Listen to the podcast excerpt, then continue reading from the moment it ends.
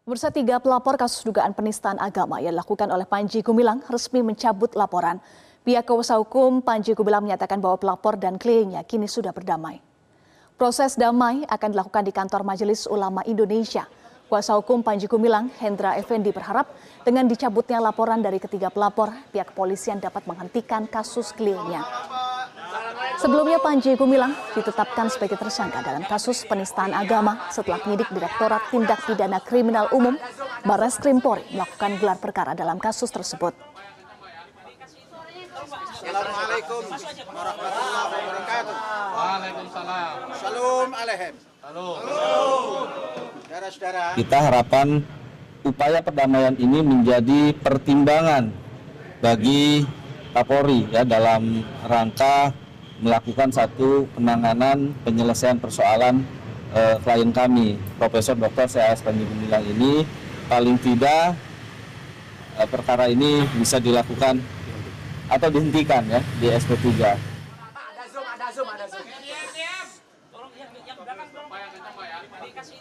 Untuk informasi selengkapnya kita sudah terhubung dengan jurnalis Metro TV Ardi Lase langsung dari Bares Krimpori. Ardi, dengan dicabutnya laporan penistaan agama yang dilakukan oleh Panji Gumilang, apa dampak hukumnya untuk Panji Gumilang?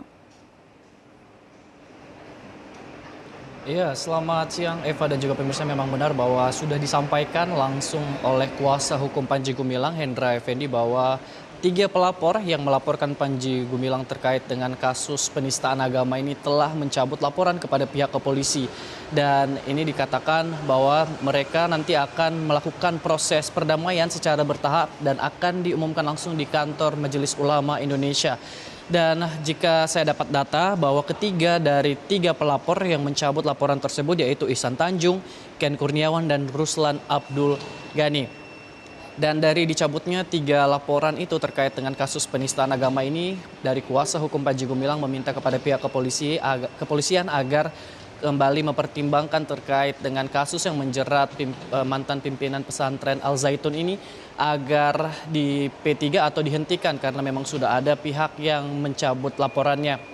Namun Eva dan juga pemirsa, kami sudah mencoba mengkonfirmasi kepada pihak kepolisian bagaimana status hukum dari Panji Gumilang usai ada tiga pelapor yang mencabut laporannya kepada pihak kepolisian. Namun hingga saat ini kami masih menunggu. Ini juga kalau kita pertimbangkan Eva dan juga pemirsa dari tiga pelapor ini sebenarnya masih banyak pelapor-pelapor yang lain yang memang melaporkan Panji Gumilang kepada pihak kepolisian atau Baris Krim Polri terkait dengan kasus penistaan agama ini. Tentunya nanti ini bagaimana hasil pertimbangan dari pihak kepolisian kami masih menunggu. Dan terkait dengan kasus Panji Gumilang hingga saat ini memang sebelumnya pihak kepolisian sudah menetapkan Panji Gumilang sebagai tersangka atas kasus penistaan agama. Dan prosesnya hingga saat ini Eva dan juga pemirsa dari pihak kepolisian juga masih mencoba dan juga berusaha untuk melengkapi berkas di mana sebelumnya berkas-berkas ini sudah dilemparkan kepada kejaksaan. Namun dari pihak kejaksaan kembali mengembalikan berkas ini kepada pihak eh, kepolisian karena ada beberapa berkas yang belum terpenuhi sehingga kasus ini masih belum P21 yang artinya masih belum bisa dibawa ke dalam persidangan. Kita akan tunggu Eva dan juga pemirsa bagaimana dari pertimbangan yang akan dilakukan dari pihak kepolisian apakah kasus ini Panji Gumilang akan diringankan ap- apakah tetap ditetapkan sebagai tersangka. Demikian Eva kembali ke Anda. Baik, terima kasih Ardi Lase untuk informasi Anda. Jelajahi cara baru mendapatkan informasi. Download Metro TV Extend sekarang.